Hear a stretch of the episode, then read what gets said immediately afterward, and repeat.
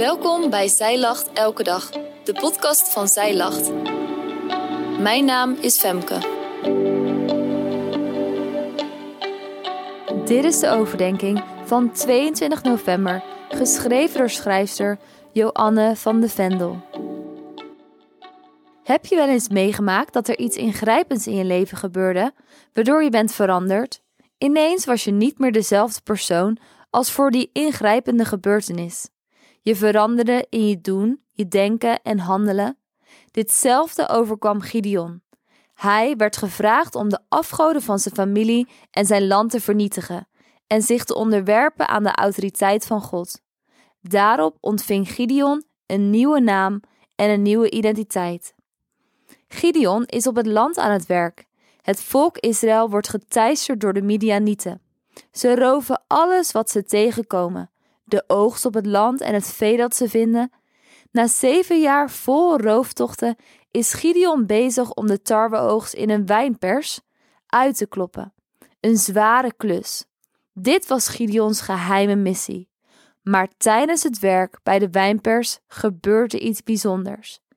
In Richteren 6 vers 12 staat: Toen verscheen de engel van de Heere aan hem en zei tegen hem: De Heere is met u, strijdbare held. Maar Gideon negeert de manier waarop de engel van de Heer hem aanspreekt. Hij doet net of de toestand van Israël Gods schuld is en vraagt Gods verantwoordelijkheid ten aanzien van de wonderdaden die hij gedaan heeft in Egypte. Gideon vergeet even dat het volk Israël het verbond met God niet nagekomen is. Diezelfde nacht geeft God Gideon de opdracht om de aanbiddingsplek die in bezit is van Gideons familie voor Baal en de gewijde paal van Asherah om te hakken.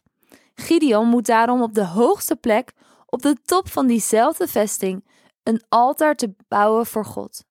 Daar zal de zevenjarige stier van zijn vader aan God geofferd moeten worden.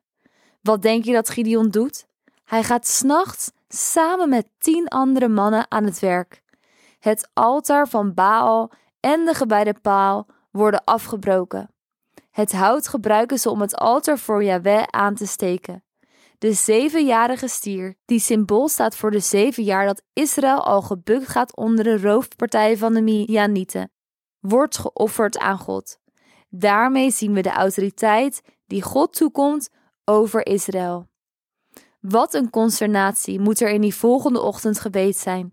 De aanbiddingsplaats van Baal en Asherah is verwoest en er is een kostbaar stier geofferd. Daar moeten dader voor boeten en sterven. Dat vinden de mensen. Maar ho, Joas, de vader van Gideon, wijst de mensen op het volgende. Dit staat in Richteren 6, vers 31 tot 32. Joas daarentegen zei tegen allen die bij hem stonden: Wilt u het voor de Baal opnemen? Moet u hem verlossen? Wie het voor hem opneemt, zal nog deze morgen worden gedood. Als hij een God is, laat hij het dan voor zichzelf opnemen, omdat men zijn altaar heeft afgebroken.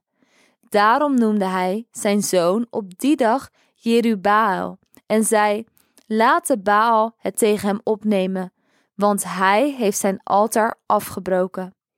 Zo ontving Gideon zijn nieuwe naam, Jerubabel, wat Baalvechter betekent. Hij is nu een Baalvechter. De engel van de Heer sprak Gideon al aan als strijdbare held. Wat een krachtige namen. Wanneer God een plan met je heeft en je roept voor een opdracht, dan zal hij je toerusten met moed en vrede, zoals hij bij Gideon deed. Gideon had het nodig een nieuwe identiteit te krijgen. Van twijfelaar is hij veranderd in een strijder. Zo is dat ook voor jou en mij. God laat ons soms door moeilijke tijden gaan. De omstandigheden veranderen niet, hoe moeilijk en vaak onbegrijpelijk ook. Maar God heeft de kans je hart te veranderen, zodat je mag gaan leven vanuit jouw nieuwe identiteit. Voordat je gaat, Advent start dit jaar op 3 december. Doe jij mee met ons leesplan Samen met Maria? In dit leesplan behandelen we in drie weken het loflied van Maria met prachtige adventskaarten om mooi in huis neer te zetten. Bestel via onze webshop voor 9,95 of doe gratis mee via de blog of podcast.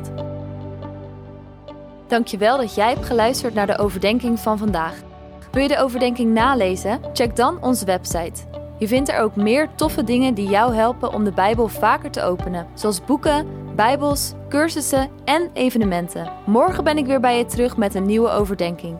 Tot dan!